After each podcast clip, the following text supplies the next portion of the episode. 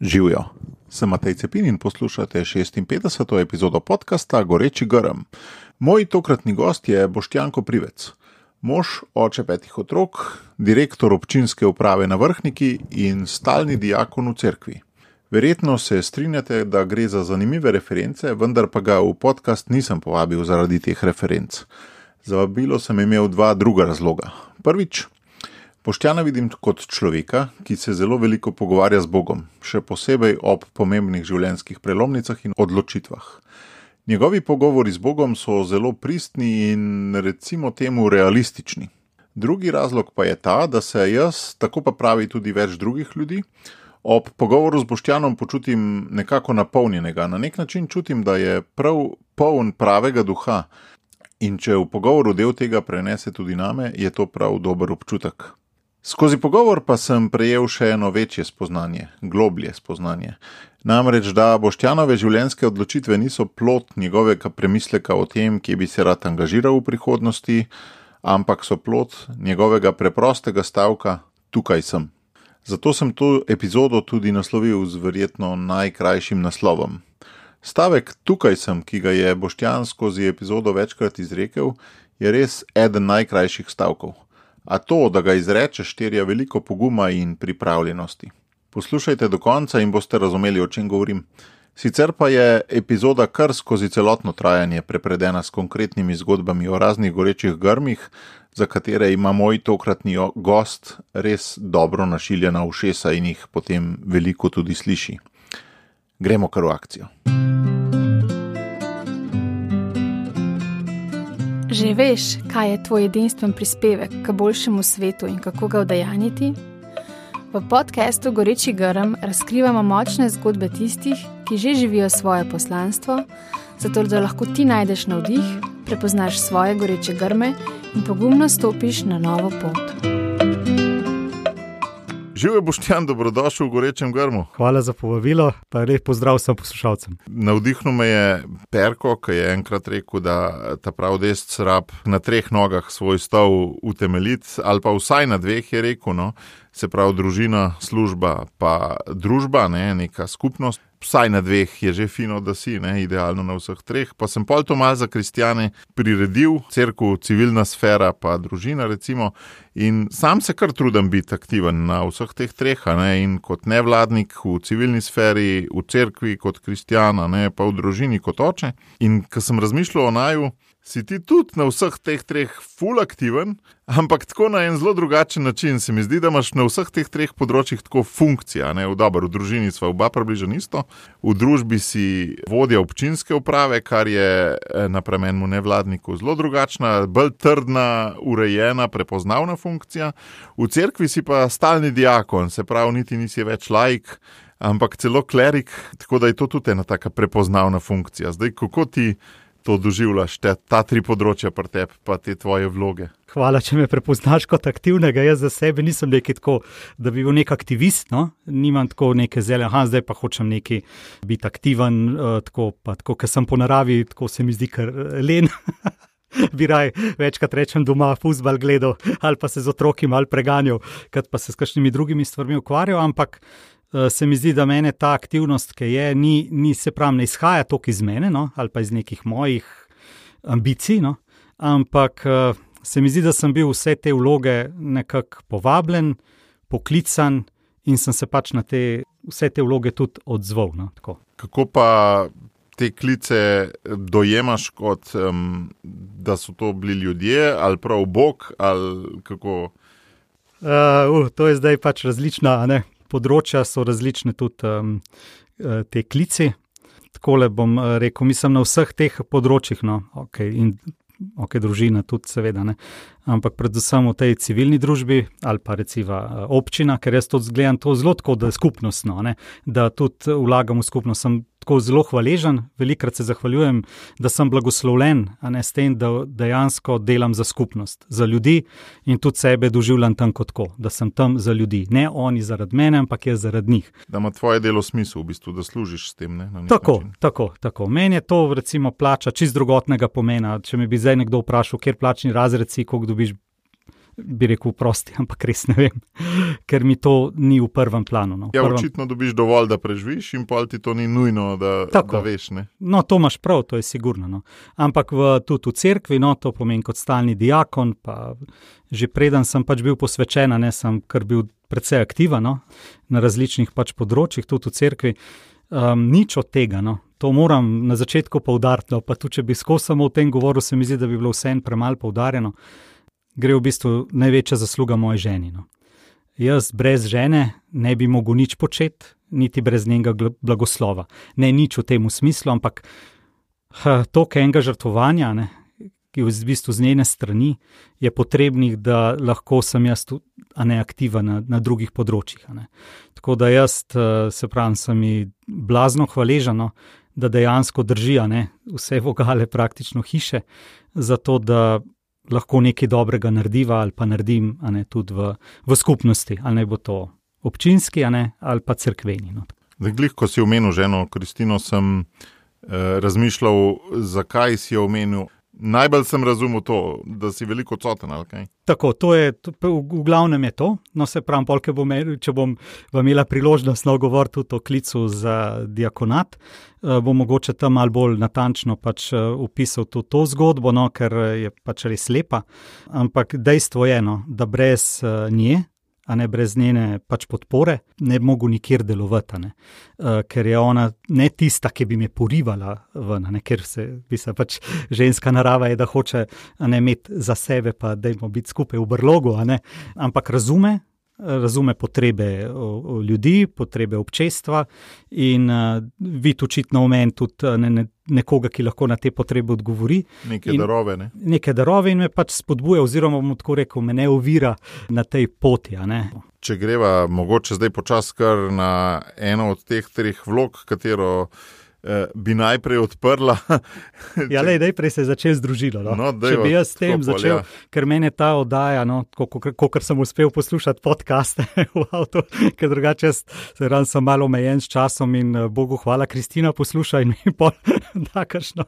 Povzetek. Povzetek. uh, drdi, ali pa reče, v to pa moraš poslušati. uh, tako da um, je pač družina tista, no, ki se je začela in hočem to reči, no, ta podcast ima tako fantastičen imet, da res kapo dol za ta navdih. No. Ker moj goreči, jaz mislim, je zgodba, no, tudi z mojo družino, ali pa s tem se je v bistvu začela z enim mojim prvim gorečim grmom. No. Tako. No. Ker, Vidim, da si ključen. zelo dobro dojel eh, po, po anto tega podcasta. Uh, jaz očitno sem zelo tak človek uh, besede. No. Je bil ob prebiranju ene knjige, ni bilo to božja beseda, pa svetopismo, ki je bilo od Rajmonda Mudija Življenje po življenju. V enem trenutku, ko sem jaz tisto knjigo pač bral, ne vem, nek po mojem, že na tri četrt tistega, kar sem prebral, sem jaz v, e, v enem momentu, to, kar pač vsakmu želim in prvoščam, da bi se mu to zgodil, da bi to začutil. In sicer to, da tako v globini svoje duše, v globini svojega srca sem začutil prvič, da Bog je, da je, da res je, da obstaja. Drugič, da je to moj ljubljeni oče, in tretjič, da sem jaz njegov ljubljeni sin, da me ima neizmerno rad. In to spoznanje ne, je bilo res tako goreči grn, s katerim se je potem dejansko se mi zdi vse začelo. No. Ker v tistem trenutku se mi zdi, da sem bil jaz. Ja, koliko si bil star, kaj še si bil prej? Ja, uh, se mi zdi, da sem bil prej dosti introvertiran. Ja, to, takrat sem bil star 16-17 let in predtem sem bil dosti zaprt, uh, sam vase, pač, ne tako, nisem bil tako. Uh, Sem bil v družbi, ampak nisem pa nekih štosov pokal, tako kot sem jih potem začel. Uh, in se pravi, predtem, potem je bilo pa tako, kot noč pa dano, res. Uh, tudi pol prskavtih, a ne se je to še se je to še malo bolj razplantelo, da se je ta moj dar, uh, kako bi rekel, šaljivosti, razigranosti in tako naprej še bolj širil. Um, ampak s tem se je začelo. To jaz mhm. vidim kot tisti un, ultimativen začetek, vstop na vrata, goreč grm. Ampak to predtem si bil nek tradicionalen katoličan. Uh, bil sem pač, ministrant, ja. tudi ne. Ampak in tradicionalen katoličan, ampak več kot to ne. To je uh mhm. -huh. treba vedeti. Torej, pol sem šel še k skautom in tako naprej, ampak več kot to ne, tradicionalno. Če nisi bil prvi 17. Ne, ne, ne, ne. Mislim, takrat sem pol pustil, ampak en let predtem sem pa to, ne, to prebral. Ampak to, ne, pač mene je držal tako, se pravi, sem bil ministrant, pa bravc uh, Beril, pa delilcev Phaila, pa tako naprej. Ampak ni me pa nikoli tako, nisem nikoli v, teh, v tej formi, v kateri koli sem pač bil ali pa delal ali kako koli bil aktiven, uh, nisem nikoli začutil tega božjega dotika, tako kot sem ga takrat. Ja. In to je bilo v bistvu tista, ne, tista, tista razlika, ki, je, ki je mene spremenila. No. Jaz sem bil od tistega trenutka naprej drugačen in bil sem spremenjen.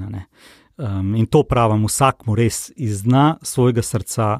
Prvoščam to, da bi to začutil. Ker tega ne moreš ustvariti sam, ne? Ne, to je dar. Ne, to je dar. In dejansko nekateri ljudje, tudi te vse funkcije, ki si jih prej govoril, bravci beril in podobno, opravljajo še veliko dlje ali pa celo celo življenje, ne da bi se sploh ukvarjali s temi božjimi dotiki ali pa z gorečimi grmi. Ne? In mi pol tako na misel, kot kaj jih žene. Mm. To, da jim ljudje pač rečejo, hej, hvala, ali kaj, ne? če tega ne delaš iz tega dotika. V eno stvar sem stoprocentno prepričan. In to je, da Gospod želi bolj povedati meni, kako me marat, kot sem jaz to, mislim, željen slišati. In mi ima bolj ima uh, bolj krepenje po tem, da mi pove, kaj želi z mano, kot sem jaz pripravljen to slišati uh -huh. in to izpolnjevati. Uh -huh. In uh, če si vzamemo, to, to ma, enkrat ena, če bi si vzel čas in premišljal Božjo besedo, ma sem sto procenten, da v enem trenutku se bo ta dotik zgodil. Ali bo to takrat, takrat, kaj jih pa do takrat žene, pa ne vem, ampak se uh -huh. že lepo katekizem pravi, da je bolj neka hlapčevska ljubezen, ne? Dokler ne pride do te sinovske. Ne? Ker tudi ta je potrebna, da potem pride do sinovske. Aha, prav ta termina, sta hlapčevska termin, pa ja, sinovska. Ja, ja, to je malo podoben tako kot tu, ne? niste več um, služabniki. Tako, ja, zdaj, uh, zdaj vas imenujem za prijatelje. Ja. Tako. Ker veš, tudi stale odlomk je meni bil eden prvih, s katerimi sem začutil ta goreči grm. Tako da je ta očitno ta transformacija iz nečesa služabniškega -huh. v mhm. nekaj ljubečega, očitno pogosta. Vse mogoče, če potem se še dotakne. Uh, meni je božja beseda je živa, no, tako, je živa, je aktivna in dela in deluje. Če se jaz, ko se srečam z njo v miru in v tišini, ma, se bo zgodilo. No, se bo zgodilo ne nujno takrat, ko jaz to pričakujem, želim ali kako koli, ampak v nekem trenutku se bo zgodila. In družina moja, ne, ključna moment tega mojega gorečega grma je bila moja razpoložljivost. Od tistega trenutka naprej sem rekel, da tukaj sem. Tvoj otrok sem ne? in vem, da bom najbolj srečen, če bom izpolnjeval to, kar ti pričakuješ od mene. In kljub temu, da smo bila s Kristino v zvezi, sva bila celo že zaročena. Pri 17. Pri 17. sva začela, Potem sva se pa, torej čez tri leta, torej pred 20-ih, zaročila. Uh mhm. -huh. Leta 97. In, ampak mene je še zmeraj, ne pol nisem bil, jaz sem pol začel nekaj, sem padel v neke dvome, je res to, kar gospod pričakuje od mene, da se poročim. In je bila zadeva tako daleč, da so potem leta 99 rekli, da je pa dostane te muke, v narekovajih, ne? nekaj je treba narediti, ali, ali se bom poročil, ali a, bom šel ne, v samski, ali bom ne, duhovni, karkoli pač nekaj je treba. No, in sem šel na drugi teden ignacijanskih duhovnih vaj. Ker sem pač o prebiranju, jaz sem imel take blazne ideje, ne, se bo, kako se mi bo Gospod prikazal. Rekl to, da rečete, jaz bi ok, v redu. Ampak uh, ni bilo nikoli, ne. Dal celo tako za ročni prst tam na križ in rekel, da je zjutraj, ki se bom zbudil, če se bo, a ne znajdu na mojem. Ti si kar mal režiser. Ja, ja, lej, tako je. Mislim, se mi zdi pač moj odnos z Bogom je tak, ne živ. tako, bo tudi jaz dajem sugestije, nisem sam jaz tisti, ki bom ja, čakal. Ja, nisi več služabnik, si prijatelj. Prijatelj se več čakam. To je dvosmerno. Da se malo ne, ne pogovarjata. Ne. Na pivo. ja, recimo, meni se. Glede, no, in, in se spomnim pač tega jutra, ki sem to, to naredil, ne, pa ni bilo, in potem je bil zunaj, slišal še, kaj je začel neki ropot, ta, ta, ta, ta, to je bilo uh, 19. decembra leta 99 in je prav ogromen snega zapadel. To vem, da poslušalcem ne pomeni, meni pa ogromno, ker že od majhnih lok je meni to padanje snega ali pa sneg pomeni nek blagoslov. No, Neka radost. Neka radost, neko, pa ne samo, pa če sem imel par takih momentov, očitno tudi, ki mi je tako res nekaj lepega. No. Za razliko od večine odraslih, je meni sneg super. In za me je, ko začnejo postaviti tiste palce, ne ob rob ceste, to je za me kanov leta. Juhu sneg bo. v glavnem je pa zapadel snega, sestre so tam uh, uh, ti skidale in sem bil prav slabe vole, da se ni zgodil. Dobro, če probujem skrajšati. No. A, še bi šel sem še k maši no, in bral berilo uh, Ahaza, češane in je bilo tam ne, tisto um, znamenje. Ne. Izvoli si znamenje, kjerkoli znamenje, in jaz ti ga bom pač dal. In pol je Has rekel: Ne, ne bom skušal gospoda svojega Boga. Se je rekel: Le, evo me, Has, kakšen sem, ne, kaj, ne, tako, kaj, kaj delam. Ne. Ampak v bistvu je tako, je bil obrat, ne, on je to v bistvu zaradi trdosrčnosti, napuha in te stvari, ta mhm. stavek izrekel. Dejansko je pa rekel: No, zaradi tega ti bom pa jaz dal znamenje in sicer devica. Ne. Uh, bo spočela in rodila sina, in tako naprej, ta obljuba. Uh -huh tako neki eksegeti pravijo, ne, da medtem ko je Marija brala ta odlomek, ne ravno te besede, da je v tistem trenutku prišel angel in jo oznanil. To je, tako, to pač, zato je tudi, ne vem, kaj vidite, kaj je kakšna slika ali pa freska ali pa vitraž o angelovem oznanjenju, je Marija, ki ima odprto sveto pismo, ker naj bi ob tem stavku se to doživel. Uh mhm. -huh. No, in zanimivo mi je bilo, ker to je bilo zadnji dan, Eh, predtem sem že naredil plus in minus, ignacijansko, ne ugotovil, da je bolj eh, pravilno, da se poročim. Ampak sem vsem prosil za nek, neko znamenje, nek, eh, za štempel. Neko potrditev. In uh, grem čez enkrat čez vse odlomke, ki sem jih prebral v tistem tednu.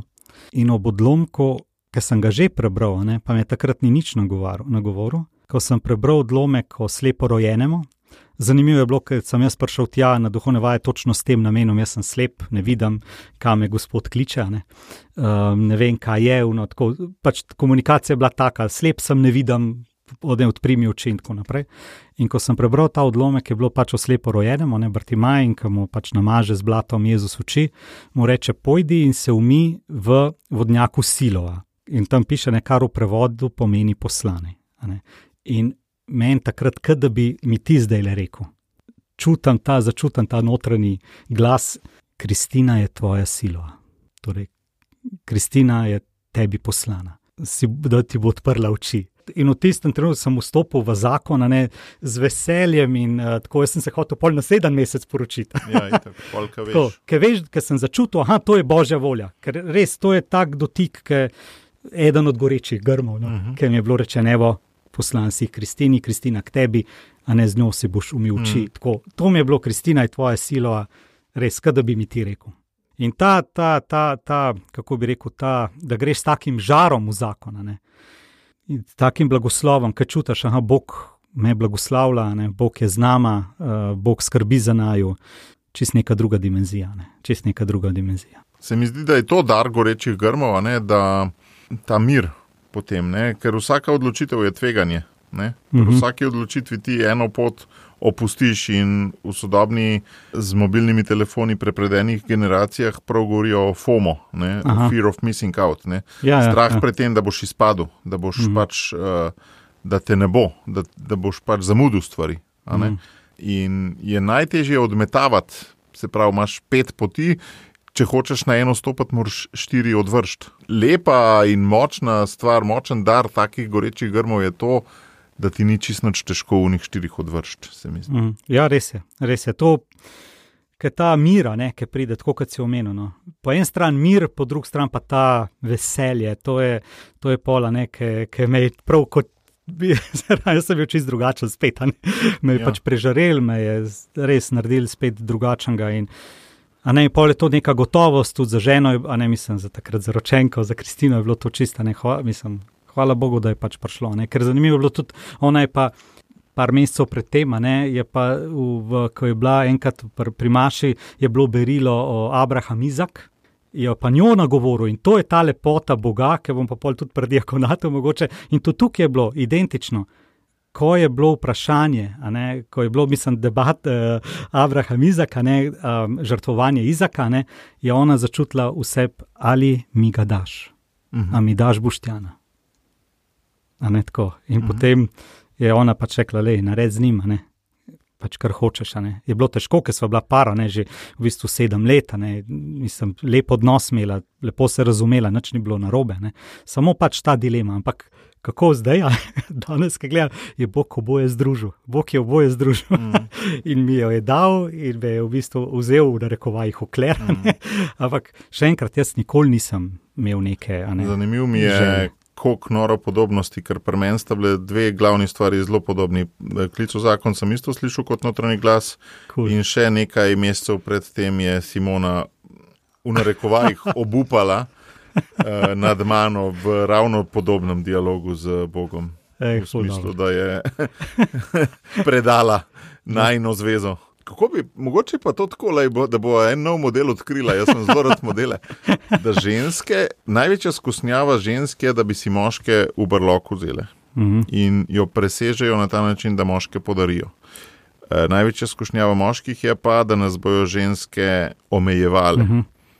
In je največja, v bistvu največji dar, ta zgorečega grma, to, da e, začutiš to ljubezen v tej poti, ki s tem, ko odvržeš vse ostale poti stran. Mm. To, se, to je dobro, podpišem se. Evo, podpišem ja, se. Na pa podlagi se... vzorca N je enako 2, statistično to deluje v vseh primerih. Res je, top. Ne, ne, pa sej mogoče je še kakšen, oziroma le, če je model, ja. mogoče. Ne, ampak kaj veš, Proz, ampak je, te spolne se, vloge. No? Ne, ne, nekaj je pač ta spolna. Ne, ne. Ti nisi čutil nikoli hej, tale zakon se je ful dobro, ampak mal, mal, mal me lahko meji, mal nekaj bo treba odvršiti iz sebe, preden si imel ta klic. O, pišu kaj, jaz. Uh, Ker jaz sem, preden sem imel ta klic, to čutil. Aha, ok. Potem pa, ko je pa bila potrditev, pa prav noč več. In tudi zdaj se mi kaže, uh mhm. -huh. da je bila to najboljša odločitev v mojem življenju. Ne? Se pravi, da me je nadgradil, ne odvrgal. Lej, prvi, jaz ko bom rekel, moja, moja je samo ena temeljna odločitev, ki se je zgodila že takrat, ko sem rekel, oziroma pol to malo rastel. Ampak temeljna mo odločitev moja je, da želim v vsem izpolniti uh mhm. -huh. božjo voljo. Uh mhm. -huh. Vse ostalo je ali moje. Se pravi, si čakal znamenje in kar bo, bo si imel toliko veliko zaupanja v Boga. Tako. Ti dejansko po tistem 17-letniku Boštjanu nisi nikoli več pomislil, da ti Bog ne bi želel najboljšega? Ne, nikoli. Od ja, takrat naprej. Ja. Od takrat naprej pač tako, tako dojemam stvari. No, se Sej ne vem, zakaj smo drugi to čutili, ne? ampak v smislu čutiš, da. Ne, sej ne, da bi ti Bog kaj slabega hotel, mm -hmm. ampak da ga mogoče ti nisi dobro razumel, pa da pač zato ne bo se dobro iztekel, če boš kar šel v to. Tako, Lej, jaz, takrat je bilo res tako močno, no, to hočem reči. Takrat je bil tisti občutek, oziroma to doživljanje tako močno, da jaz, to je tako, kot ne eh, pri krstu Jezusov, ali pa pri vsakmu, ki je bil krčen, pač kar vidijo, svet, so videli svetniki. Torej se ne bo odpre in se zasliši glas: Ti si moj ljubljeni sin, da te bo imam veselje. Je bil kot en tak drugi krst. Ne?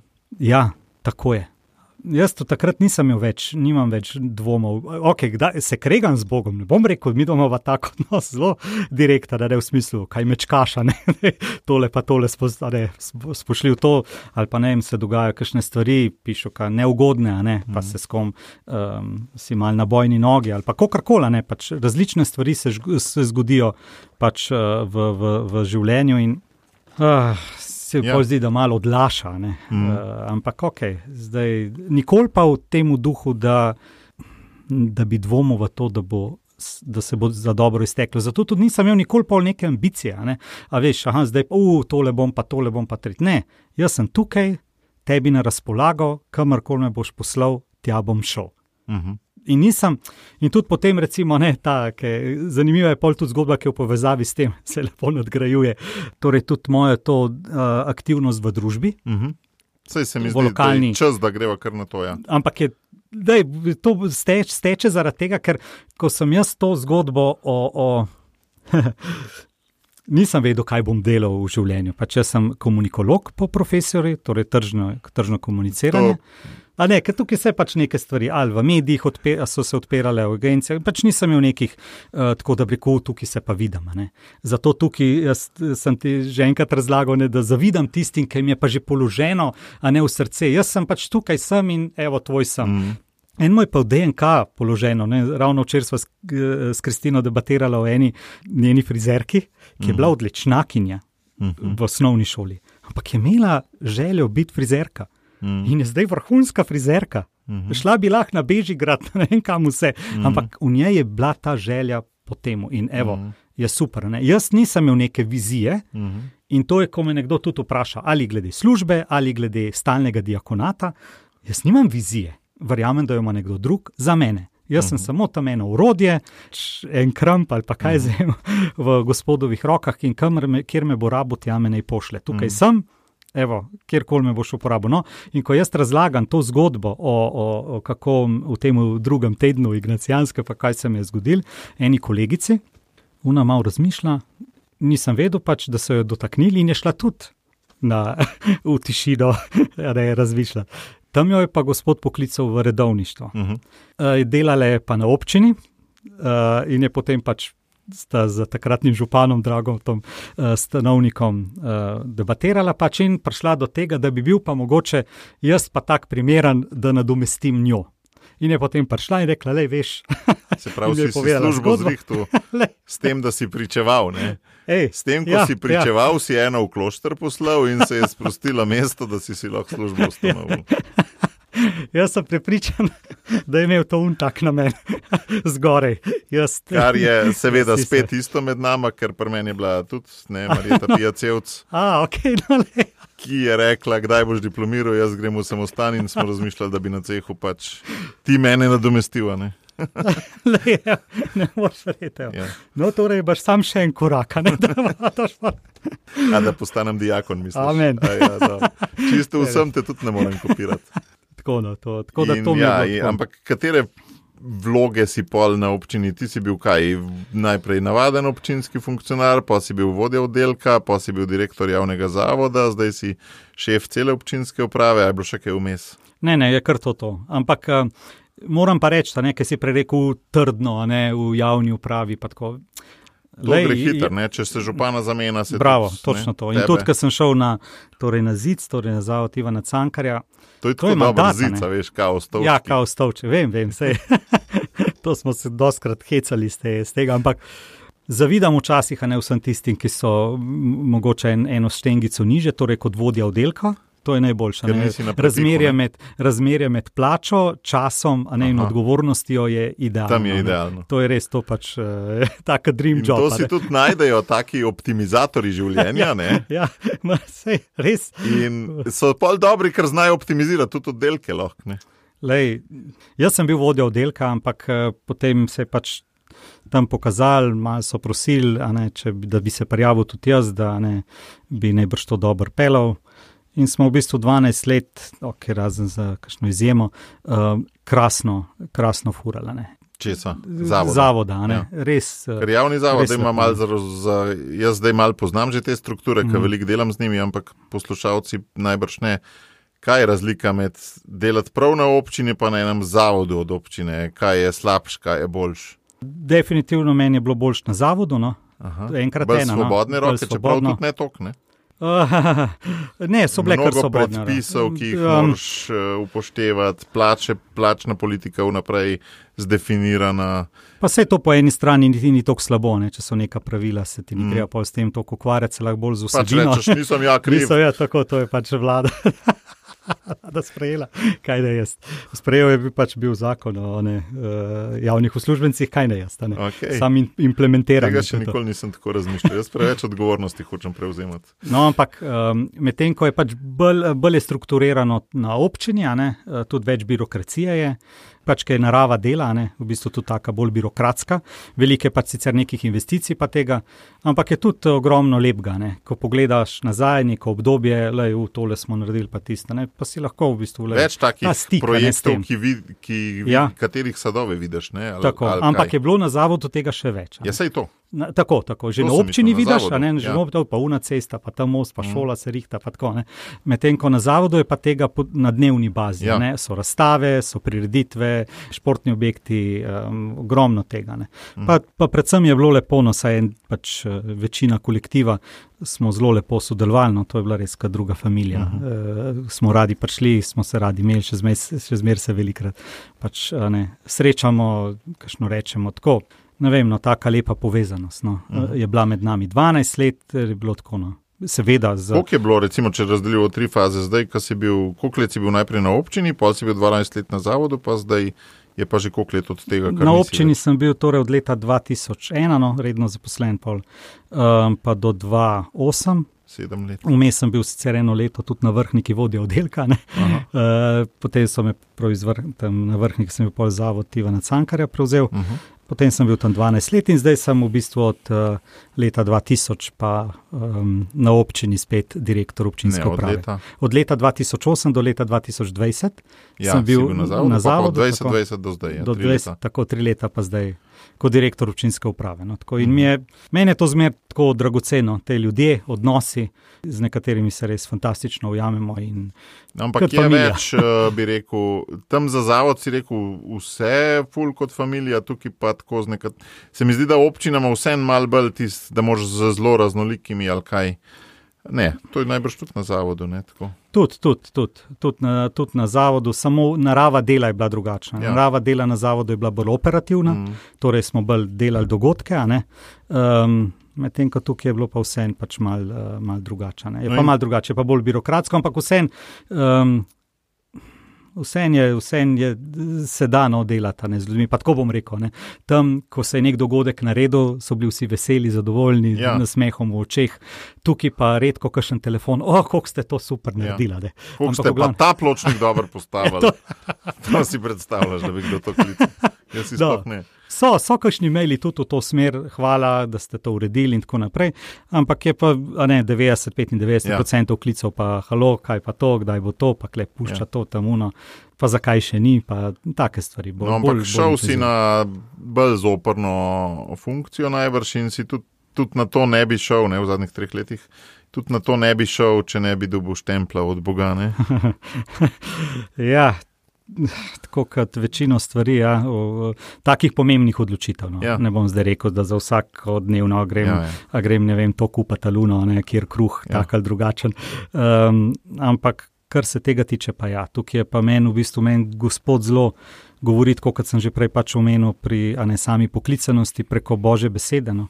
In to zelo konkretno. Ne. On je, on je zelo konkreten, mislim, tukaj je do mene, mi je dal pač ta dar odpiranja Božje besede, no, da mi zelo konkretno pove, uh, ker se pravi drugače ne vidim, sem slep in uh, In kakšen je bil konkretno goreči garam za tole uh, vodenje, uh, zdaj če za- ti ni težko? Uh, ne, ne, ni mi težko goreči. ga, Tako, pač, uh, z Dani, Daniel Cukjat je ne, župan občine Vrhnika, on, mi dva so bila sodelavca prej na zavodu Ivana Cankarja. Zelo pač se je razumela, pa tudi dobro delala, veliko enih stvari pač smo premaknili, a ne tudi na področju športa. Pa, tako da se pravim, tako dob, dobra sodelavca, no, tako dober tim sva bila. Potem je on bil izvoljen za župana, jaz sem ne pač ostal naprej pač na zavodu, in potem se je eh, sprostilo pač delovno mesto direktorja in je prosil, pa če tudi eh, jaz kandidiram. In to se je ne dvakrat tako sprostilo. in sem pač Ker rekel, to ne, je malo tako smotana, kaj narečeš. Ja, ko ja, lej, je tako. plusi, minusi, klasična ignacijanska metoda, Ja. ja. ne, ki je plusi, minusi in pač vedno je bilo več plusov, racionalno gledano, pač na zavodu. Ne. Še enkrat, dobro Ja. ja. smo se razdelili, del sem imel rta, ne, Mm. uh, tak Več dinamičen. zadovoljstva tako- prinaša. Tako, Ja. točno to, več zadovoljstva in več tega feedbacka pozitivnega tudi. Mm. Pa plača pa tam tam, ne. tako Mm. da, ni, da bi rekel, zdaj, če bi vse to ne, Ja. um, dal na ne. Um, in potem, uh, ko se je bila še zadnja menjava, je še enkrat rekel, da je kandidirja, ne, da je vložene vlogo, če ne bo pač uh, ne, drugih ali pa tako. Ne, Pač klasičen izbor, ne, ampak prosim, me, če saj ne dam vlogo. Ne. Se rekel, redo bom jaz um, malo to premolil. ne. In jaz sem to kar nekaj časa molil, to je bilo ravno čez novoletne počitnice, leta, iz leta 19 na uh, leto 20. In sem rekel, da po novem letu ti povem, 6. januarja, ti povem, 4. januarja imam jaz rojstni dan. um, to je bila sobota. Zanimivo, 3. januarja je bilo celonočno češčenje v Belkah, uh, kjer zdaj živimo. Ne? In uh, sem jaz bil dežuren od polnoči do, do enih in odpiram pač božjo besedo, nič ni bilo. Ne? 20 krat nič, nič ne. Se reko, v redu, pač v redu, plusi in minusi, ostanemo pri tem, kjer smo. In sem pač bil v srcu že nekako torej odločen, da ostanem pač na zavodu. No, na kar se pa zgodi 4. januar, torej moj rojstni dan, kjer imamo navado, da pač odpremo malo božjo besedo, kaj ima Bog povedati komu izmed nas. Odprem. Cel, cel podcast že govoriš o odpiranju božje besede. ja, to je tako navada za vse, veš. Grem na stranišče, malo odprem božjo ja. besedo. Sem v avtu, na semaforju, malo odprem božjo besedo. Ne, ja, če, bi ga, če bi jo tako pogosto, bi bilo res krasno. Ampak v takih trenutkih. No, Strateških. Je pa, je pa ta, torej se mi zdi, da tako, tako kot pravim, to je njegova beseda meni. No, tako kot dobesedno vzamem to. No. Kot koča ga imaš. Tako, evo, točno to. Njegovo pismo meni. Klasika. Skratka, in potem 4. januarja odprem, odprem pač uh, sveto pismo, Prej sem že omenil, ne, kako je ime uh, torej, županu, torej uh, Daniela. Ne. In mm. se uh, odpre beseda iz preroka Daniel, torej deseto poglavje, kjer, kjer v bistvu zelo lepo pač reče, ki pride prerok k Danielu ne, in mu reče: Daniel, mož ljubljeni, sedaj sem poslan k tebi. Mm -hmm. In to za mene ni bilo tako, kako bi rekel, uh, neka možnost interpretacije. Ker je načeloma pri tej besedi, no, ki se mi odpre, gospod zelo konkreten in zelo direkten. Uh no. -huh. Mhm. Tako da sem potem dal vlogo, pač je bil potem postopek in sem bil v tem postopku tudi pač prepoznan kot najbolj primeren kandidat, in tri leta zdaj sem že. Na občini. No, tako je res močne, uh, močni stavki. Sam, mogoče pa Bog tudi ti jih daje, zato ker ve, da jih boš resno vzel tako malo ne mečite biserov svinjama, veš, ti, če ja. ti ne vzameš tega, to resno bo rekel, me, kaj bom jaz to dajo, take močne. Če mi tako ne bojo poslušali. Ja, to ima, tukaj, tukaj imaš prav, to, to je si pol ful, kar, ne, kar pač greš, ne, se pravi, to je bilo to, kako, dej, dej, če analizirava tvoje čustveno doživljanje tega, ker vem, da ni glavno, ampak spremljajoče dogajanje duhovnega doživljanja. Mm. Se pravi, predtem pač nemir, pol mir. Ali... Točno, točno, ker sem to odprl, ker je bila ta beseda dana.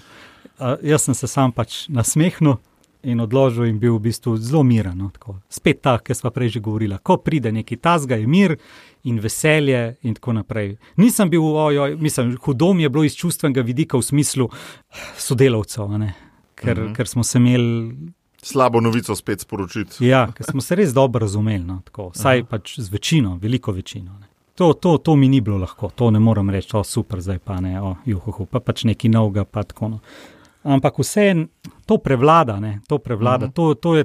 Kaj je to, kaj tako zadane? No? To zadane. Jaz v tem vidim en pogum, ki po svoje pa tudi pameten, še, aha, zdaj pa še z drugega, pa z tretjega vidika pogledati. Ti pa pač. Le, jaz sem pogledal, se ignacijanski princip je zelo jasen. Ja. Ti pogledaš pluse, minuse in racionalno gledano je bilo pri meni ustaneš. Da, da ima razlog ta ignacijanski princip. V bistvu, ja, ne vem, je plusi, minusi. Komu, uh, torej, rečem, aha, pa koliko pa nekaj ponderiram tudi. Ne? Ja. torej, kaj mi zdaj plača? To, a to je ignacijanski princip. Ja, ja, ja, seveda, da je nekaj lahko. Ja, mislim, ponderiral v smislu, lahko lahko je vem, delovni čas, ne, je mogoče na občini zdaj bolj ugoden, ne, ampak so pa tudi recimo, bolj zahtevne stvari lahko. Ne. Bolj ugoden v tem smislu, ker jaz na zavodu, ne, to je ogromno prireditev. Ne. To so lahko v vsakem tednu tri, ja, ja. štiri dogodki. Popovdne, to pomeni, -huh. si v službi, ja, ja. greš domov neki pojest. In priješ potem spet nazaj. Na dogodek, in ja. si do, na dogodku lahko do desetih zvečer. In, to, in zato sem rekel, če ne bi Kristina ne, bila taka, kot je. In če je ne bi se, tisto, kar bom povedal, mogoče, če bo imela še čas za diakonatom, zgodilo, bi bilo to zelo težko. Uh mhm. -huh. Ampak vseeno, časovno je vseeno zdaj boljša, zato ker. -huh. zdaj imam pač odbore, pa občinski svet in ni več teh prireditev. -huh. Ampak pač to je eden, torej, če gledam čas, je zdaj sigurno na občini imam plusa uh -huh. in da minus na, na zid. Torej, če gledam odnose, mi je bil plus spet Na odnosi zavodu, ja. na zavodu, Uh -huh. napram pač na občini, ker no, sem jih poznal, pa vse sem jih poznal, ker sem bil pred tam eno leto nekaj, ampak vseh pa ne. Potem, da tam je bil vidik, mi je bil pomemben, torej stik z delom, ne? to pomeni, ko nekaj narediš, zadovoljstvo občanov plus. Na občini pač minus. Uh -huh. In vsi te, tako kot sem potegnil črto, ne, Jih dejansko sešteješ pol. Tako. In potem meni se rekel, ta "Glej, način odločanja še nikoli ni kaj dosti obrestvoval. Zato, ker se pravi, da vsako, vsak delček odločitve v, neko, v neke procente ali pa v neko vrednost spremeniš, ni klica od zadaj. E, no, zato pa je potem naslednji korak v tem Ignacijo. Ne? Torej, ko daš pluse in minuse, pa to predaš gospodu.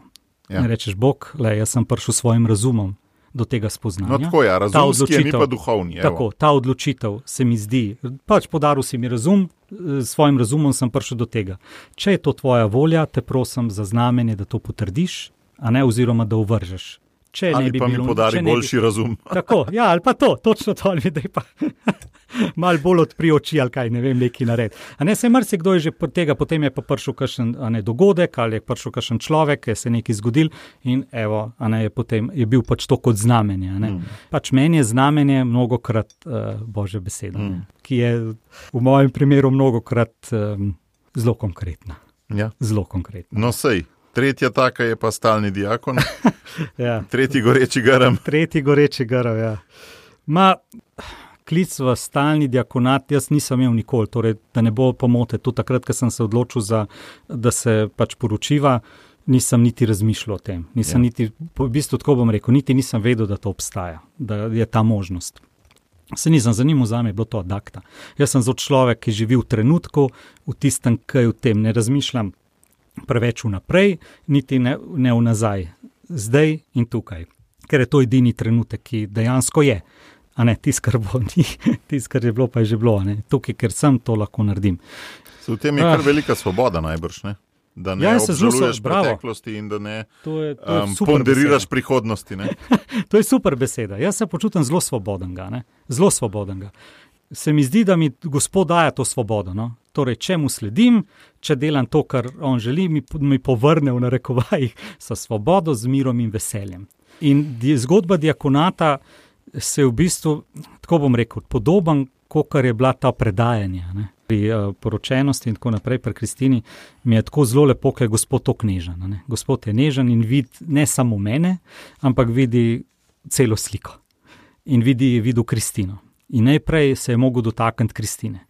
To je se pravi tudi tako zelo lepa zgodba, mal daljša sicer, ampak če jo skrajšam, ne, ona je bila v enem trenutku zelo v stiski. To pomeni, jaz veliko odsoten, kao prepoznavana, ne, ona pa nič, ne, sam doma, a ne sam za otroke, tudi pač stiska, ker so se res so bili, so se veliko zbujali, pa ne da me, jaz, da, jaz sem tudi skrbel za njih, ogromno smo se pogovarjali, a ne da bi rekel, ah, to pa zato, ker nista bila nad skupaj, to zato, ker nista bila na isti fre, frekvenci, to zato, ker ne vem, psihološko nista bila, ni šansa, ne, mi dva sva ogromno, ker so bila dosti komunikativna, veliko, veliko, veliko se pogovarjala. Ampak ona je pač bila v nekem obdobju zelo na tleh.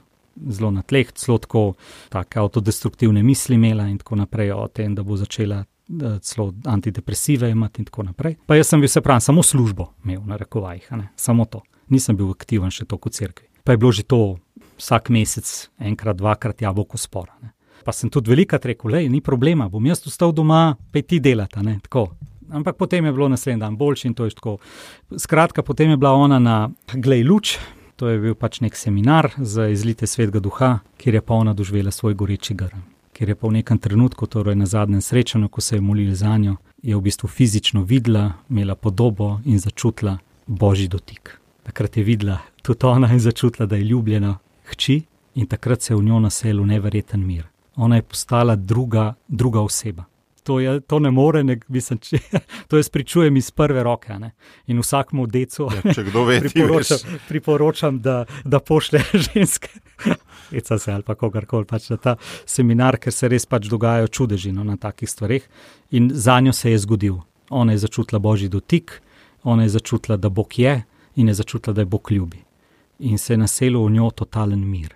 In jaz, recimo, zanimivo mi je bilo, potem, torej, poleg službe, nič ni bilo več niti, ma potem neka, ni, še zdaj ne vem, uh, torej v vseh teh letih, to je bilo pri njej leta 2012, Torej, v vseh teh letih ne, ni bilo enkrat, da od nikoli te ni, pa teh učitkov in tako naprej. Ker ona tudi ve, da to, kar meni ni za mene beg, jaz ne bežim od doma, ve, da sem rad doma, ve, da sem rad ne, z otroki, ve, da sem rad z njo in nič od tega, kar je zunanje, ni za mene beg. A, zdaj pa jaz grem ven zato, da se samo aktualiziram ali pa kaj taska, ker dobro ve, da bi raje doma gledal snooker ali pa bejzbol ali pa karkoli. in ko je za njo poskrbel, no, to mi je bilo fascinantno, je v meni začel recimo se prebujati klic. Može, mož, da bi zbral skupaj može. In res, na vrhu smo se potem ustanovili može svetega Jožefa. Pri Maši o pol enajstih je bila družinska Maša, se ni načpel. Sem rekel, da ni to žalosten. Ne? In sem potem naredil slide, mislim, pač, ne, projekcije, tam bil spredaj, eh, začel z otroškim zborčkom, ker otroškega zborčka ni bilo, sem bil jaz tam spredaj, igral kitaro, pa rekel, da ne pride spredaj od otrok, kdo hoče. Pesmi so bile pa take zelo klasične, ne?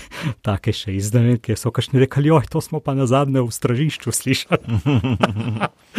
Tako da je bilo, skratka, no, bil aktiven še bolj. A ne še bolj odsoten v rokovajih, ampak nikoli ni bil problem. Ne? Se pravi, je bila neka harmonija, neko veselje med nami in ni bilo nobene težave. Ne? Če ne bi Gospod poskrbel za njo, se ne bi zgodil potem tudi z mano to, kar se je. Ne? In sicer 2013, enkrat februarja, smo imeli z ŽPS-em neko duhovno obnovo. Vrhniško bil je gospod Strukal, imel je tam neka predavanja, tam v kapeli v, na vrhniki. In v nekem trenutku, ki je bil pač odmor, je meni nekaj zadržal pač v tisti kapeli, uh, vsi so šli ven, pa jaz, ki drugače rad govorim, čakam in tako naprej. Si ne bi predstavljal, da ne bi šel še jaz, ja, neki, nekaj še piškot vzeti, če drugega ne. Mm. Da imam vsaj kaj od tega. Uh, ampak nekaj me je zadržalo noter v, v tej kapeli, jaz tam sedim, nisem vedel zakaj. In meni od nek, ne vem, če zmer, to je težko zdaj ne, opredeliti, pride misel stalni diakon. Še kako pa je to, vzamem telefon, začnem brskati, ne stalni diakon in pol tam ali berem, pa uf, majko neke šole, pa uno, treče, četrta, pa to, da si pol posvečena, ne, pa klerik, pa tako naprej. Pa, Rekel, kaj, kaj, me, kaj je zdaj to brez veze, da reke, kaj, kaj to berem, kar nekaj. Ne? In v tistem trenutku, ko jaz to berem o stalnem uh, diakonatu, odpre vrata takratni kaplan Luka Demšar in reče: O, živijo stalni diakon. Ok, je to kakšna skrita kamera, ima kakšno kamero, da je vedel, kaj sem zdaj bral. Ja. V glavnem, pa sem pa vprašal, rekel, ne vem, tudi, tudi to ni vedel. Pač kar prišlo je. ja, to sem ti mislil vprašati. Da ve, da ve, ni prej me tako pozdravil, ne pol, niti koga drugega. Tako pač prišlo mu je in je to rekel. Ne vem, ali je tako. Skratka, jaz to takrat pol povem spovedniku. In oče, ja, se veš, ne, že kakšne take stvari si že, a ne ti bo govori prek božje besede, odpri, a ne, pa mogoče pa boke, a ne.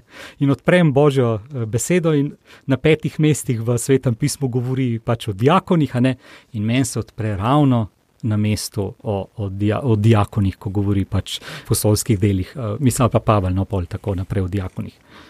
Sem rekel, ok, pol je bila pa borba, ne, pol je bila pa res taka mal borbe. To si naknadno ugotovil, da je samo pet takih mest. Ne? Ja, ja, ja naknadno. Ampak, kaj je to? Gledati, koliko je verjetno. Ja, tako, težko, nisem šel gledati, verjetnosti. To bo to už ti znal zračunati kot matematik. Ne vem, koliko je vseh besed v svetem pismu, veš. ja, lej. Tako da je bila taka, pravim, pol pa borba, no, se pravi, ta borba je bila pa tudi tako isto prek božje besede, no. Veliko krat prek božje besede. Velikrat sem pa slušal tudi tako, aha, e, se spomnim, torej, že čez en mesec, torej aprila, je bilo potem, je bilo uh, teden za duhovne poklice, molitvena. In meni tako sem čutil vse pet kmaši, en četrtek. Kaj, nisem hodil kmaš med tednom nikoli. Ampak ta klic vse, tak, da je pet kmaš, in grem kmaši. In uh, pač uh, uh, berilo je bilo o Filipu, uh, kako je spremljal tam uh, Unuha in kako mu je razlagal iz preroka Izaije, ki je tako meni tako pre, uh, ne prerok in ga potem tam krsti. In potem se Filip znajde, da ga sveti duh vzame in ga kar predstavi tam v neko drugo mesto. Ne. Uh mhm. -huh. Kvaful, dobro, to, to je zanimiva beseda. In potem začne pa teden ne, molitve za duhovne poklice. In veš, o čem začne brati uh, uh, duhov, v čem je bil takrat ten tekst? Pojma nimam je ostalih diakonih, ker Filip je bil diakon Aha. in je bil potem cel tekst pač o ostalih diakonih. Jaz sem mislil, da ne morem verjeti, grezno bi se. Ampak pa sem začel na dej, gospod, gledaj, jaz sem grešnik. Ne mene klele, kaj ne, kaj ne jaz. Ne. Mm. Uh, tako v bistvu zelo grešnega sem se počutil, tako, da, da nisem vreden te službe. No.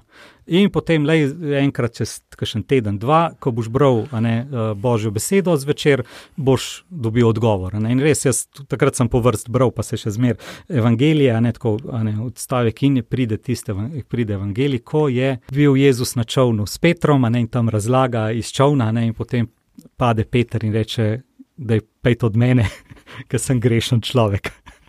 torej, to, kar sem jaz tistih 14 dni živel, ne, sem dobil odgovor, yeah. Ja. ne, ne, od zdaj naprej boš uh, lovil ljudi. In mm. potem, se pravi, je bilo še kar ne, nekih mm. takih uh, zgodb, ampak pika na i, ta zadnja zgodba, ki je pač pa pol rekla, ok, tukaj sem. Je bilo pa, je, to je pa moja zadnja bilka.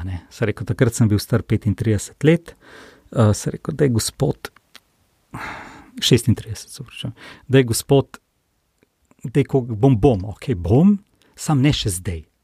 Jaz sem še premlad. Mm. Dej, poglej, tam imaš, ne, pa sem pa naštel, že tam v Fari, mm. imamo par uh, že teologov, ne, ja. ki jim ne bilo treba čez nobeno teh izobraževanj, ki sem jaz mogel iti, mm. torej delati izpite, pa v, v, v glavnem študirati knjige. Študirati pa tako naprej. Torej, mm. to, okay, takrat je bil nek, nek način, ki je bil za mene v tistem trenutku najboljši, torej, nares, eh, torej KPŠ.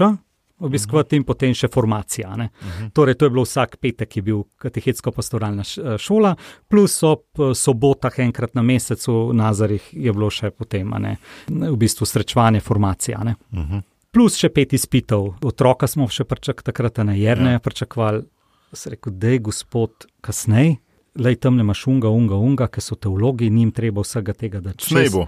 Pa se ne, ne, pa, lej, pa kdo sem jaz, pa oni že zvejo, znajo. Uh, pa jaz sem definitivno sem premlata. Dej me pol, ker bom 55, kot sem gledal takrat, ne po seznamu, to so bili so bili starejši. starejši ja. možakari, ja, grejo, ja, tako in to se mi zdelo super, gospod, lej, kakšen, lej, kako si to dobro zrihtal, ne, da grejo taki starejši bom šel tudi jaz pola, ne? ker zdaj sem jaz definitivno še premlata. Ne? Mhm. Pa, da ne govorimo o tem, kaj pa še ena zgodba, ločena o gradni hiše, kaj pa tudi prek božje besede in tako naprej. Bilo dano, ne, da mi bo gospod se zidal hišo, ampak pust. Skratka, in um, ne hiša, otroci, mehni otroci, služba, ja. a ne, a ne taka, da je, pust me, a ne, bom pol premlad sem še. In potem tako, ok, a ne nekaj časa jaz to mojamram, a ne pa nisem dobil nobenega feedbacka. 23. junija, pa tako, ki je bil, to je pred praznikom uh, Jana Zakrstnika, ne, pa spet, a ne, ja, le zvečer, tako, a ne, ko bo šel, kmaš boš dobil odgovor. Gremo si slišati. Tako začutil v duhu. Začutil si, ja. da pet imaš, da boš dobil prav, tako, da te čaka kuverta. Mislim, ja, tako nekako. In grem jaz res, imaš preberem prvo berilo, ki pa je vedno 23. junija, se bere uh, Jeremija, prvo poglavje, prva do četrta vrstica, kjer je točno ta stavek. Gospod, pust me, ker sem še premlad. In potem njegov odgovor nikar ne govori, da si premlad, kamor te pošljem, tja bo šel. Uh mhm. -huh. Takrat sem se pa pol udal, ker to je bila tista zadnja, zadnja bilka. No, tako da, eh, tako in potem sem pač stopil na to pot, ne iz neke, in pri meni nikoli tako, aha, jaz pa bom to pa to delal. Ja. Ali pa to velikrat se tako, tako razmišljamo. Fino bi bilo sebe videti tam. Ne? Ja, ali to ali fino bilo, ali pa kaj boš, velikrat so me kauš pa delal kot stani diakon. Ja. Ne, prosti, jaz ne vem. Mene je gospod poklical njega, vpraši, mm. kaj bom delal čez toliko in toliko časa. Mene pusti primer, jaz samo delam to, kar imam zdaj le trenutno za delati zdaj imam ta dekret in to je to. Uh mhm. -huh. Nič drugega. Ali pa prej, uh mhm. -huh. še tega dekreta nisem imel, nisem niti vedel, kje bomo takrat ne, ja, ja. se preselili. V glavnem, jaz nimam toliko tega, ne. -huh. v smislu vizije. Strateškega. Uh, strateško, aha, tole pa boš. Zato imaš druge strokovnjake. Tako Konkretno je. enega. Konkretno enega. Jaz sem tukaj. Tukaj smo si pa različni, vidiš. Ja. Jaz pa živim od strateških načrtov velikrat. Vem, vem, vem. Tako da sva končno najdla eno stvar, po kateri se razlikuje. Čeprav bom rekel poklicno, da ne bo pomote, tudi jaz, ja. definitivno gledam strateško. Kaj pa kako? Veliko strategij na občini spisanih za različna področja. Ne? Tako in potem pač ne slediš, ne, da ne definiraš cilje in tako naprej. Mm. Že od skavtov naprej. Vse to je super, pa mm. hvala Bogu, ampak na tem področju, pa v vsakdanjem življenju, mm. pa v tej komunikaciji z Bogom, pa v poslanstvu, pa tako naprej, pa ni strategije. Pa ne, ja. Je pa mm. samo ena strategija in to je tukaj sam. Razpoložljivo. Tako je, tukaj sem Na voljo mi ti. jasen. Prej smo te, pri Danielu smo te ful hvalila, kako si ti na prvo besedo skočiš in da ti za Ja. to Bog daje. Ja. Tukaj si pa zdaj mal podrl ta mit. Ja, res Da je, ma- Se, ne, zdaj mi ni čist jasen, ker tudi sam si rekel na nek način, ja, jaz pol pač grema, ne? tukaj si pa nisi to, zdaj čem je Lej, po, po, poanta tega je bila čista, to je za mene bila tako dosta odgovornost.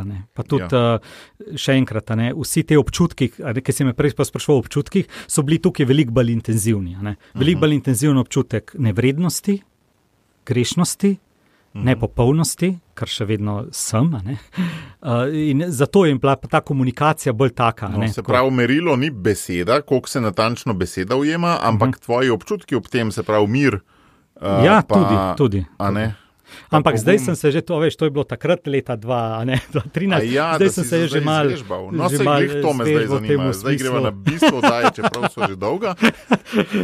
Kako naj jaz kot posameznik te pristope uporabim? Vem, da niso čist uh, ponovljivi, da ima vsak od nas svoje kanale, po katerem Tako. bo govori, ampak vendarle, a ne, ti si zelo na nek način vidva z Bogom sta zgradila en tak odnos, da se pogovarjata veliko in da tudi si ti pol poslušan in veliko tudi molaš, čeprav vem, veliko minut na dan, v bistvu relativno, sej ni uh, tle veliko pa mala, ne? nek menih najbrž več mola, ampak kukor za družinskega očeta imam občutek, da veliko. Kaj od tega misliš, da lahko sami naredimo, kaj je pa milost?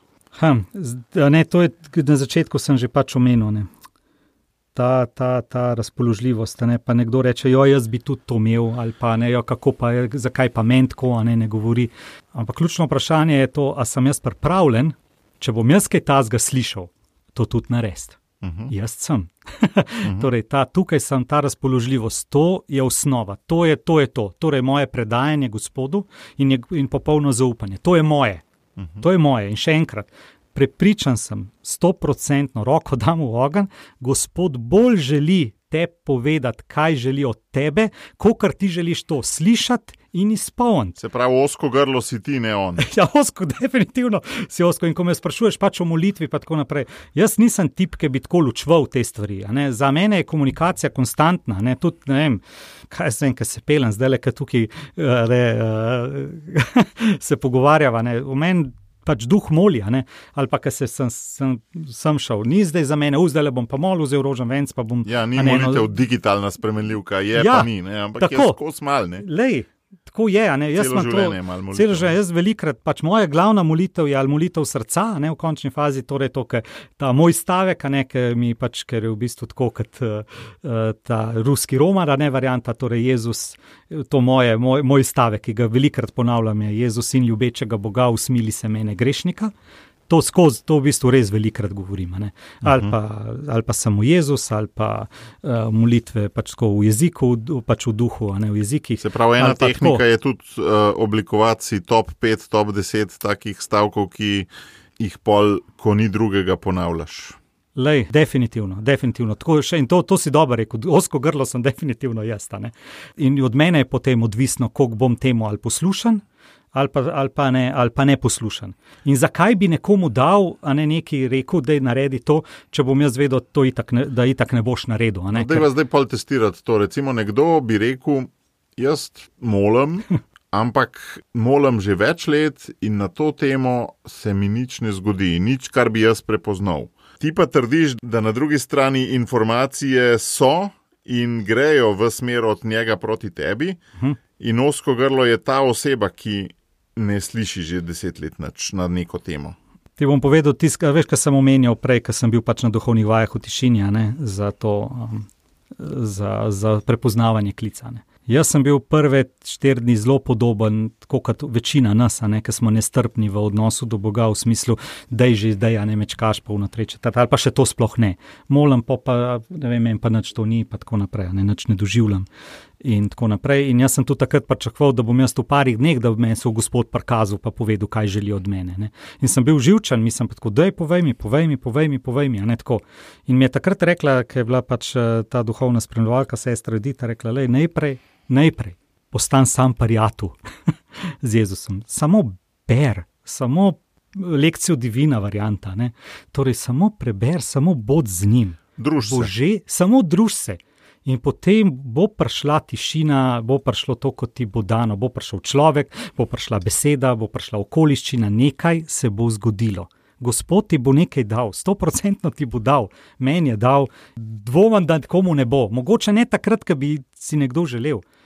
Ali pa prosto to. Pač. Jaz vsakmu rečem, naj bo ta odnos čim bolj, pro, da je čim bolj taka. Ne? Lej, gospod, ne vidim, daj povej mi. Uh -huh. Prosim, odpri oči. Ja, iskren, ponižen. Reč, le, ne vidim, prosti, ne vidim znamenja, da si lahko prosim. Mal Ja. ja. bolj konkreten, par men, ker res ne vidim. Boga Ampak- imamo malo za avtoriteto, ne moreš mu čisto vsega reči. ne. Zato se pa tudi pol rečemo, da avtoriteti se pa veliko skrijejo. Zakaj? Zato, ker pol nam bo avtoriteta kaj naložila, da moraš Ja. kaj narediti. Evo, Ja, pa kaznovala pa tako. Pa ne. kaznovala pa to. Ne, v redu, vzela ti bo. Ja, vzela ti bo, da mogoče nam gled, ne moram gledati ne vem, vseh frajmov uh, O'Sullivana pa Brcela ne, v snukarju, ampak mogoče pa sam dva, pa bom mm. lahko pogledal. Recimo, ne. Mm. Tako, ne pač velika tu, kaj mi bo zdaj Bog vzel, če mi bo kaj vzel. Ja. Ampak. Ker, ker smo slepi, ker ne vidimo, da nam hoče dati veselje, da nam hoče dati radost, nam hoče dati svobodo, nam hoče dati mir, mir predvsem pa hoče prek nas delovati, ker nima drugih roka, ne? on nima drugih ust kot mojih. Jaz sem fulh hvaležen Primožu Megliču, je a ne kaplanu takrat na vrhu, ki zdaj pa uh, je uh, Da je sveta Helena Dolsko. usta, ne. Ja, da je Mislim, bil svoje, zaupal mi njegova. in mi je rekel, lej, zaupam ti, da boš pridgal, pridgaj. Mhm. Mej, ne, pa mi je zaupal, ker je videl v, v meni očitno ta dar, ne, da gospod lahko uporablja moje usta. Ali pa Mhm. zdajšnji župnik v Belkah, Janez Učkon, da mi zaupa, ne, da gospod uporab, upor, me uporablja za te stvari. Bogu hvala za take ljudi. No, sej. in, in vsazga. Glih to me zdaj tudi zanima, še proti koncu počas. To, da si stalni diakon, kaj zdaj počneš, kar drugač ne bi, recimo, ker prej si govoril o skupini mož, o zborčku, to bi lahko tudi kot laik delo. Ne? Komu. Kaj je zdaj na nek način drugače, ali kako je tvoje zdaj e, zbližanje z gospodom drugačno, ali kaj? Ma zbližanje z, goš, z gospodom ni pretirano drugačno, tako bom rekel. Zato, ker je še zmeraj ta osnova, ne, ta temelj, tukaj sem, ne, na voljo sem ti, je isti. Tudi uh, zdaj imam dekret, a ne, in če je dekret, je to, aha, službo imaš tukaj. In jo imam zdaj dekret za belke, torej za župnijo, v kateri živim, in tam pač delujem v skladu s tem, kar mi pač župnik dovoli, ker on je, on je tam odgovoren, tako kot sem jaz za občino. Tako jaz pravim, ne moreš biti uh, dober šef, ne, če nisi dober delavec, torej, oziroma ne moreš biti dober retorik, če nisi dober poslušalec. Torej, moraš znati dobro poslušati, moraš znati upoš- upoštevati in izvajati ukaze, če jih ne, na drugi strani želiš tudi dajati in uh, želiš, da ti pač ne, uh, sledijo. In tukaj je tako, pač meni je zelo dragocen gra, gra, gradna občestva, to, to zdaj le tukaj čutim, ne zelo močno. Uh, v belkah uh, probam, grad, probam graditi, ne probam biti tisti povezovalni člen, probam pripeljati ljudi k Jezusu, torej ob devetih uh, do povdne ob nedeljah, ne imam, mi gospod, mislim, mi župnik dovoli, da pridgam in ne tako počasi raste, rastemo. Ne. Ker moje pridge so malce bolj nekonvencionalne, no? niso tako teološko dovršene, uh, ampak so bolj tako, se mi zdi. Povezovalne tudi. Mogoče, Ja, po en, en stran povezovalne, na drugi stran pa tako, da skušam to, kar tam slišimo, približati temu, kar mi živimo. Ali čisto iz vsakdanjega življenja, ne, uh, iz vseh teh težav, ki jih imamo vsi, ne, uh, ki jih imam tudi jaz, ker ne živim idealistično in idealno življenje, ki se z ženo, a ne, ne glih 40, da so se ne, tako na polno skregala z otroki, ne, ker nimamo ne, istih pogledov na kakšne stvari, ki, kar mi je težko, kar težko nosim. Ampak, lej, že tudi odrasli. pri tebi, Ja, sej, ker so, a ne tako in pol. Koliko je petih, je, ne? Petih je, ja. Spon je pa kaj od 20, Od koliko že rekel? 22, 20, 18, 14, 10, uh, tako zanimivo. Tako, in, in še enkrat, ne, ni idealno, ne, nikjer ni idealno. Pač, in je, je težko. Ne. Mm. In tukaj, pa, tukaj je pa moje pač vloga. Ne, Kot diakona je ist, mislim, ista kot kjerkoli očeta, ne, tukaj mm. ni Mm. razlike. Predajati mm. svoje otroke in zaupati, da Mm. gospod tvoji so. No, ampak v na nekem kakšen trenutku. način zdaj vidiš to diakonsko službo kot Mhm. Kaj to, da lahko pridgaš, ali to, da blagosloviš nek gasilski avto, ki tega prej Ja. ne bi mogel. Ali, Ja, tako. a vidiš to na ravni dejavnosti, ali vidiš to na ravni vašega odnosa z Bogom, ali sploh še ne vidiš, pa si pač sam zaupal. Tako kot se rekel, jaz sem samo zaupal. a ne. Uh -huh. Meni je bilo a ne, tam, ne, tako, ker itak bi lahko različne službe dobil. Ne. A Ne, jaz bi šel lahko ne vem, v neko vojsko, policijo, Ja. ne, kot duhovna oskrba. Uh -huh. Ali lahko bi, lahko sem tako, kot sem zdaj na župniji, lahko bi delal v Karitasu. kot tako, Ampak zdaj, kot reči, očitno me pač gospod tukaj potrebuje in tukaj bom naredil vse, kar je v moji moči, najboljš, da bom pač res čim bolj, kako bi rekel, koristno urodje v njegovih Mhm. rokah. Samo to. In če je to učenje veruka, ker imam pač prvi, pa drugi razred, ne, pa mi je težko, ker bi rad imel uh, Mhm. Družinsko katehezo, Ja, ja. ki bi, a ne, ki, ki vidim tukaj prihodnost, ampak sem poslušan župniku in če on hoče imeti taka ne, veruk, prav bi redo, pa bi imel tudi več razredov, predvsem izziv Ampak poveš starejši. Vse, najbrž tudi, da bi ti drugače. Seveda, ne, jaz povem, se s tem nimam težav, povem, ampak sem poslušan. Če bo župnik rekel, tako bo pač tako, v redu. Podobno kot kar pravim v službi. Tudi, In nimaš težave z iskanjem smiselnosti svojega Ne, dela. ne, ne, ne. Jaz pač v tistem, kar je, tako kot sem prej rekel, živim tisti trenutek, ne, sem s prvim in drugim razredom in, hočem, in, in takrat hočem žareti za njih, a ne da bojo tudi prek mene, ker ne, se veš, zdaj so taki časi, da a ne, jih veliko ljudi je pač re- redko gre v cerkev in prvi stik ali pa edini stik cerkvijo sem jaz. Ja. In če bojo mene videli kot prijaznega, kot veselega, kot odrešenega, kot svetuga, bojo tudi Jezusa pa vero tako dojemali. Majčkeno bolj, ja. Mečkan bolj, a ne, Mhm. ker jaz jih imam pa ure. Mm. vse pa, pa itak so v medijih, druge novice, ampak tukaj je živi stik. In moram reči, da pač to, to, to zdaj tako, no, se mi zdi, da zelo lepo raste. Ne, tudi, ne vem, po, ker sem povabil pač postopoma, ne, da imamo agape, ne, torej po, po maši, da imamo druženje, kava, piškote, je zelo lepo. Ljudje pa Mm. sami prenesajo, uh, so s- res to, uh, tem belčanom kapo dol, res to je, Mm. mm. sami nosijo, ne, to pomeni, prenesajo ali piškote ali eh, ne, kaj za spiti. Super, no, res, tako in se tam ustvarja neka skupnost, se družimo in uh, držimo skupaj, in to je to, no, kar v kar verjamem. a ne. Ampak stalni diakoni bolj ali manj delujejo v svojih domačih župnijah, ne tam, kjer Ja, bivajo. je. ne. Res je. V glavnem živijo tako. tako Ni tako, da so nekam poslani drugam. Ne. V glavnem v svojih, uh, v svojih župnijah. Ja. So pač v pomoč župnikov. Kako pa vidiš sistemsko to stalni Ja. ja. diakonat v cerkvi na slovenskem? To je pa zdaj, um, nočem se toliko s tem ukvarjati, Uh -huh. zato ker se pravi, hočem biti razpoložljiv. So pa že pač neke tendence, tudi na Štarskem, vem, da je že par diakonov, ki so prevzeli župnije, ne, Mhm. torej so pač kot upravitelji župnije in pridejo potem duhovniki um, pač imeti sakrament uh, svete Euharistije, torej sveto mašo ali pa spoved in tako naprej, medtem ko vse ostale stvari Mhm. pač ureja Se stalni pravi, da diakon. se da, mislim, da dejansko ni treba, da je župnik eh, Tako. upravitelj, ampak je lahko tudi diakon. Tukaj vidim eno od možnosti, da občestva, ta župniska, ostanejo. Ne? Ker jaz imam še zmeri, pa lahko, torej tu, če ni recimo med tednom uh, duhovnika, ne, uh, imam lahko bogosluže Bože besede. Ne? In Mhm. Tudi to smo že imeli, kdaj in je čist lepo, ljudje radi pridajo. Uh -huh.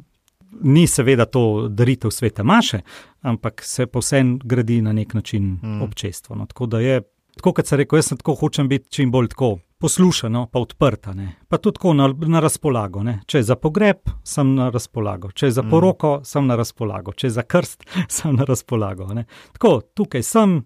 Evo, porabite me. Tako da pa se pravi, in me povabijo, ne, a bi, a bi, a bi ti poročal. Koliko si imel že porok? Da je devet, tako, zdaj je bila pač ena, je bila pred kratkim tako zelo lepa. No, tako. to je to. Ali pa za blagoslov hiše, recimo, ne, tudi avta, Mhm. take stvari. Ne, pa jaz, ki pač imam dohodek reden, ne rabim nobenih drugih. Ne. Ja, ja, ja. Tako da sem A se ja, spomnil. cnej si. Cnej si. Aha. Nelojalna se, konkurenca. se. kako se že Ne, ne, reče. se tukaj ni tarif, tukaj to je tako pač prav, ker kašnjiv, koliko to stane. Meni se zdi, da je sad te tvoje drže tukaj, sem tudi pogum. Kako ti gledaš na pogum v današnjem svetu, recimo pri sodelavcih, tvojih otrokih? Vsega, mislim, vsega zdaj pomalen. Zdaj, jaz se včasih malo jezim sam na sebe, da smo preveč samozavestne otroke vzgojili, preveč To mi je bilo pa zanimivo, zadnjič, ko so se pogovarjala. Ja. Tvoja hipoteza je bila, da zdaj, odkar imamo te bolj zakonske družinske terapeute, da otroke preveč hvalimo. Ja, ja. In da imajo pol posledično, v bistvu zdaj kar povezujem to, ja, preveč nekega nezdravega, nezdrave samozavesti, oziroma premalo eh, sfiltrirane mogoče samozavesti. Nekaj je ta filtrirana samozavest, druga je pa to, kar smo mi imeli, mogoče v naša generacija, bolj no, Ja? neke ponižnosti. Ne. Aha. To je tista, to pa se mi zdi eden od teh ključnih elementov, tudi o tem, kar sem govoril, praktično se cel tale podcast. a ne. Jaz mislim, da za nek ta goreč grm moraš biti ponižen. a ne. Uh -huh. Če ni ponižnosti, ne bo gorečega grma. Ne. Se pravi, otroci, ki jih preveč hvalimo, posledično ne slišijo gorečih grmov. Bojo jih slišali, ampak bojo mogoče šli čez kakšno preizkušnjo Več. več, zato ker jih bo ta preizkušnja naučila neke ponižnosti. Ne. Mhm. Zanimivo je tudi, da gre sta ponižnost pa pogum skupine. Ja, res je. Ne, pogum je jaz vidim zelo kot darno. Zelo kot darno. Aha. Jaz uh, sem v bistvu jaz tisti, ki ga s svojimi strahovi, predsotki in tako naprej omejujem. No. Mi je pa velikrat dano. Tudi pogum tega, da se pridemo pravičati ženi, ki je Mhm. no, no, kakšno neumnost ušpičava. Ne. Ker se mi pa zdi, da ga veliko rabimo, ne poguma v današnjem svetu. Ker je zelo velikrat, je, gre, imaš dve poti, ne? ena je tako go with the flow, ena je pa kontra toku. Ne? Jaz sem slišal že toliko zgodb po podkupninah na raznih občinah. In take stvari, da je teh skušnjav na takih pozicijah zelo veliko. In se mi zdi, da se lahko, jaz ne vem, kako je to pri tebi, to Mhm. mm. res nismo še enkoli pogovarjali, da se res lahko stalno odločaš za id s tokom, pa še na boljš ali pa proti toku. Ne? Definitivno, mislim, tako bom rekel. Mislim, možnosti bi sigurno bile, mislim, tako, ne te korup, korup, korupcije, po mojem, na vsakem koraku. Jaz sem, sem hvaležen, da sem s tem že zelo malo zaključil, pa se očitno to pol kar razve, ker že na začetku, ko sem bil na Brezovci, je prišel en do mene, pa je rekel, je tukaj je pa to, ki si mi neki zrihtu, sem rekel, sorry, sorry, jaz pa delam tukaj, a ne, uh, imam plačo in ne rabam nič, ne, sem čisto zadovoljen s tem, kar imam. Pa on tako meni nekaj časa tako gleda, malo ne, ne je verno, pa reče, pa vsi delamo za plačo, pa za denar. Sem rekel, ne, ne, ne. Meni je to- meni je to isto. Meni je to to. Hvala lepa, ampak neč rabim. In od takrat naprej ni bilo enkrat v vseh teh letih, da bi nekdo rekel, "Ej, lej, da mi to unotret. A ja, tudi Boš- skušnjav ni bilo tako Ne, veliko, ne, ni bilo, ker očitno pač, a veš, se razve. Ali se razve, ali Pa, pa, pa že od- enostavno splošno, daš. ampak se dejansko ve, kateri ljudje so taki, da so propustni. Možno, možno, ja. Vse, to je možno, definitivno. Zanimivo. Ne vem, jaz po mojem že žarevam, kaj ta zgada, niti ljudem ne pade na pamet, da vem, kaj, ne vem, kaj jaz. To težko zdaj definiram, ampak eh, jaz se pravim, razen tega na začetku je bilo potem čist meren. No, ampak proti toku te še zmeraj velikrat kliče. Ne? Vse si že govoril. Vse te zgodbe so bile. Ne? Mislim, da definitivno je pogum ena od tistih lastnosti, no, ke, ke, pa pol pa moraš se pač odločiti. No. In, mm. in pač nekaj pol zagrabiti in to tudi delati. Ne. Ja. In ne cincati in tako naprej. Pač, ko enkrat pride pač neka odločitev, jaz sem tak, da pol zagrabim. Res kapo dol vsem, ki grejo proti toku, zdaj le ne vem, ki bo razni tele uh, pohodi in tako naprej. Ej, To se mi zdi ono ful dragoceno, pa kljub temu, da cel mainstream ne, proti mm. kontra govoriti resnico. Ne. Se v končni mm. fazi tudi Jezus je govoril resnico, pa je bil zaradi tega, ne, ja, že prej Janez Krsnik ob glavo, ne zaradi resnice, pol tudi Jezus. Pač, ker velika je ta skušnjava, ne, u, zdaj pa jaz sem neki sem, v smislu, a, zdaj sem pa stalni dijak, Mm. jaz pa neki sem, neki sem dosegel in tako naprej. Pri meni nikoli ni bilo to to. Jaz vedno te službe, ki jih imam, pa ne bo to zdaj direktor ali pa diakon, jemljem. Absolutno kot služenje, ne, ne. -huh. kot neki uf, zdaj pa to, to ampak čistko služenje. In, če, in sem posvečen, torej mi je, ker je škof molil nad mano, je molil za to, da pride sveti duh. -huh. in mi je dal, a ne, in je takrat dobim tudi, torej uspos, sem usposobljen, a ne me usposablja, se, a ne, se ve, to je znan stavek, -huh. a ne, da um, usposablja poklica. Ne, ne. Ne pa kliče usposobljenih. Tako, no. tako da ja, tako kot si rekel, na eni strani ponižnost, ampak po drugi strani, kot je pa dano vedeti, kaj je božja volja, pa ne odlašati. Ne, tako. Jaz sem malo odlašal zaradi tega, ker se mi je zdel preveč. Po pravici povem za diakona, ampak ne odlašal tako. Pač v komunikaciji sem bil. Ne? Pa še enkrat, žena, ne, tukaj tudi pri, dia- pri diakonu, je pa še toliko bolj dragocena. Ne? Ker ona je pa, ne, še enkrat, brez nje, brez njene podpore, brez njenega podpora, jaz nič od tega ne bi mogel delati. Ne? Hvala ti, Boštjan, in bodi tukaj še naprej. Hej, tudi ti, tudi tebi želim. No? In vsem poslušalcem, no? da so tukaj na voljo. Amen. Amen.